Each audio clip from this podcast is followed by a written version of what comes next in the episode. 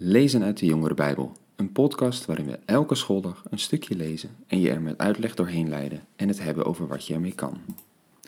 Dag jongens en meiden, goed dat je weer luistert naar een nieuwe week. En dat is alweer de vijftiende week dat ik deze podcast maak. En deze week wilde ik niet een heel onderwerp doen voor de hele week, maar een aantal losse praktische vragen met jullie bespreken. En we beginnen gelijk maar met een interessante. Hoe zat het ook alweer met seks voor het huwelijk? want vaak denk je, als christen, dat mag volgens mij niet. Volgens mij mag dat niet volgens de Bijbel. Is dat zo? Wat staat er eigenlijk over in de Bijbel? Misschien toch maar eens goed om daarnaar te kijken. Weet je, dan kom je er eigenlijk al vrij snel achter als je in de Bijbel op zoek bent naar een, een uh, zinnetje waar staat: je mag geen seks hebben voor het huwelijk. Dat staat niet in de Bijbel. En dat komt omdat die, het in die tijd een hele andere tijd was, een hele andere cultuur. Kijk, er waren geen voorboedsmiddelen in die tijd. En als je als vrouw ongetrouwd zwanger zou raken, dan had je echt een serieus probleem. Want dan had je dus niemand die jouw man was, die voor eten zorgde, die voor jou kon zorgen. Je stond er helemaal alleen voor. Eh, je kon vaak verstoten worden. Je kon zelfs gedood worden, omdat je dat gedaan had. Ja, weet je, wij denken nu allemaal heel erg vrijblijvend over seks. We hebben wel voorboedsmiddelen. En zelfs als je ongetrouwd zwanger raakt, dan is dat best wel geaccepteerd. Dus dat waren echt hele andere tijden. Het was in die tijd dus niet echt een vraag: mogen we seks hebben voor het huwelijk?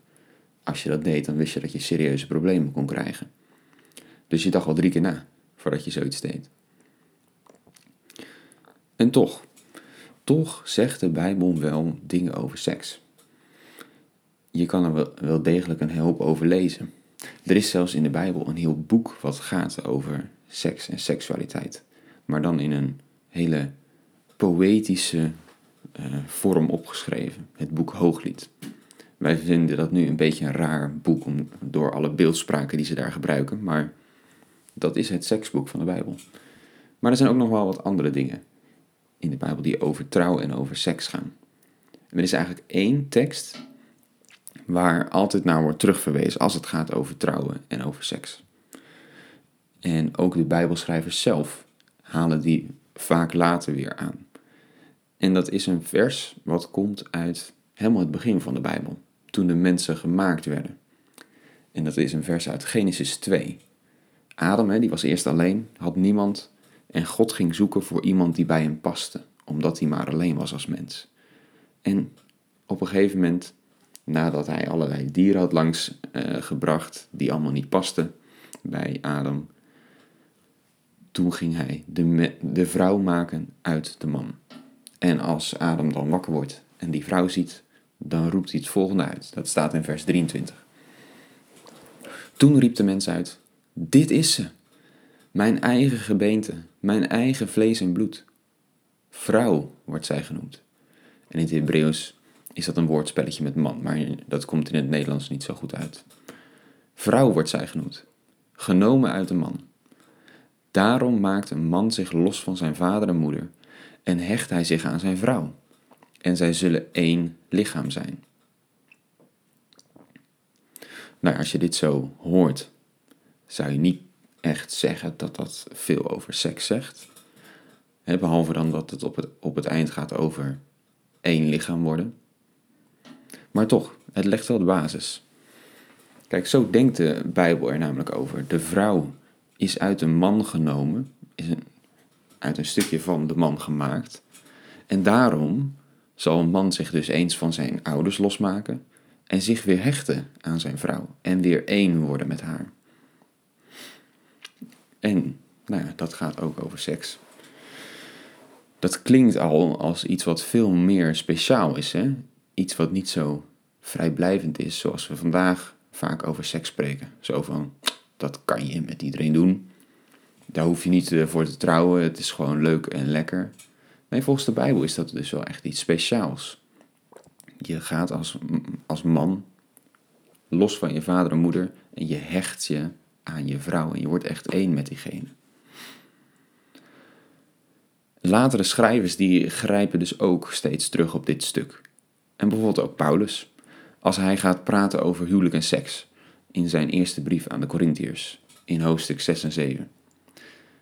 Kijk, Korinthe stond in die tijd nog al bekend als een losbandige stad.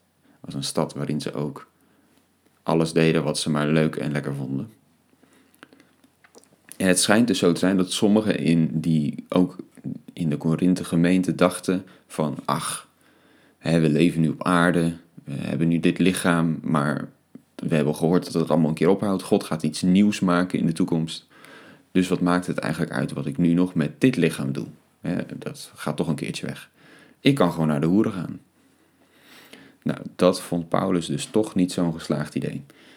En daar gaat hij over schrijven aan ze in hoofdstuk 6 vanaf vers 13. Dan zegt hij: U zegt: Het voedsel is er voor de buik, en de buik is er voor het voedsel. En God zal aan beide een einde maken. Maar bedenk dat het lichaam er niet is om ontucht mee te plegen. Het is er voor de Heer, en de Heer is er voor het lichaam. God heeft de Heer opgewekt, en door zijn macht zal hij ook ons opwekken. Weet u niet dat uw lichaam een deel is van het lichaam van Christus? Zouden we dan van de delen van zijn lichaam de lichaamsdelen van een hoer maken? Dat nooit. Of weet u niet dat wie zich met een hoer verenigt, samen met haar één lichaam wordt? Want de schrift zegt, zij zullen één lichaam zijn. Maar wie zich met de Heer verenigt, wordt met hem één geest. Ga ontucht uit de weg. Geen enkele andere zonde die een mens kan begaan, tast het lichaam aan. Maar wie ontucht pleegt, zondigt tegen het eigen lichaam. Of weet u niet dat uw lichaam een tempel is van de Heilige Geest die in u woont en die u ontvangen hebt van God? Weet u niet dat u niet van uzelf bent? U bent gekocht en betaald, dus bewijs God eer met uw lichaam. Nou ja, tuurlijk, hè, naar de hoeren gaan is wat anders dan waar we aan denken met seks voor het huwelijk. Maar Paulus zegt wel twee belangrijke dingen daarover hier. Hij zegt hier ook weer: je kan niet zomaar even vrijblijvend seks met iemand hebben, omdat het leuk of lekker is. Dat kan niet.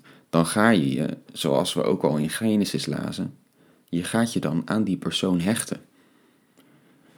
En dat is trouwens ook wetenschappelijk bewezen hoor. Eh, als je seks met iemand hebt, dan komen er allerlei stofjes vrij in je, in je hoofd en in je lichaam, die ervoor zorgen dat je echt gehecht gaat voelen aan die ander. Ja, als je dat dus even voor de lol deed en daarna gewoon weer verder gaat en die ander niet zoveel aandacht geeft, de kans is dan best groot dat een van de twee daar toch schade aan ondervindt. Dat het blijkt dat het meer met je doet dan je dacht. Er is ook bewezen dat als je regelmatig met steeds andere mensen seks hebt, dat je eigenlijk steeds minder goed kan hechten aan een ander. want dan ga je, je gaat steeds weer uit elkaar en dat beschadigt langzaam dat mechanisme om je aan die ander te hechten. Ja, dat kan je dan natuurlijk lelijk in de weg gaan staan als je uiteindelijk wel probeert om een goede relatie met iemand op te bouwen. De Bijbel ziet het dus niet als iets dat je even doet. Je vormt daardoor echt een eenheid met die ander. En dat is natuurlijk een serieuze zaak. Dat is niet iets wat je gewoon even casual kan doen. En Paulus noemt ook nog in dit stuk een tweede argument. Je doet er God geen eer mee als je zo vrijblijvend en nonchalant met seks omgaat en met je eigen lichaam omgaat. Want God heeft zijn zoon gegeven om jou te kopen, jou vrij te maken. Vrij te maken van het oude leven waarin je vast zat. Daar hebben we ook veel stukken over gelezen in de afgelopen weken. Denk dan niet dat je van jezelf bent of voor jezelf leeft. Dat je dus maar kan doen wat je wil, dat het niet uitmaakt. Je bent van God. En staat er, bewijs dus God eer met wat je met je lichaam doet. Nou ja, Nienke en ik, wij hebben het er natuurlijk ook over gehad toen wij wat kregen. En daar hebben we eigenlijk best wel vroeg al over gepraat met elkaar. Maar we vonden het eigenlijk allebei ook wel heel goed dat we daar snel met elkaar over konden praten. Toen we door hadden dat we een serieuze relatie hadden. En eigenlijk hadden we allebei zoiets van: ja, seks is het meest intieme dat je kunt delen met elkaar. Als dat nou dat is, het meest intieme wat je aan iemand kan geven, waarom beloof je dan ook niet trouw aan elkaar? Ja, als je jezelf zo aan die ander wilt geven, waarom beloof je dan ook niet dat je voor elkaar zult zorgen? En wij hebben dus afgesproken dat we zouden wachten eh, tot de, ons trouwen. En het was ook goed dat we daar het zo vroeg met elkaar over hadden. Want weet je, als je een relatie hebt met iemand en je denkt, nou, daar hebben we het later wel een keer over. We zien wel hoe het loopt. Ja, dan uh, ga je natuurlijk uiteindelijk wel, zonder dat je het dan gepraat hebt, misschien steeds verder en uiteindelijk verder dan je had fijn gevonden als je er wel over had gepraat met elkaar. Ik denk dus wel dat het echt een goed idee is. Om als je merkt dat je een serieuze relatie met iemand hebt, om het daar vroeg met elkaar over te hebben. Wat vind je belangrijk? Wat zou je willen? En hoe ga je dat doen? Ga je daar bepaalde grenzen voor afspreken? Nou, wat zegt de Bijbel dus? Mag je geen seks hebben voor het huwelijk? Nou ja, als je dus daarna op zoek bent naar zo'n letterlijk uh, regeltje, dat staat er inderdaad niet in. Ook dus omdat die tijd anders was.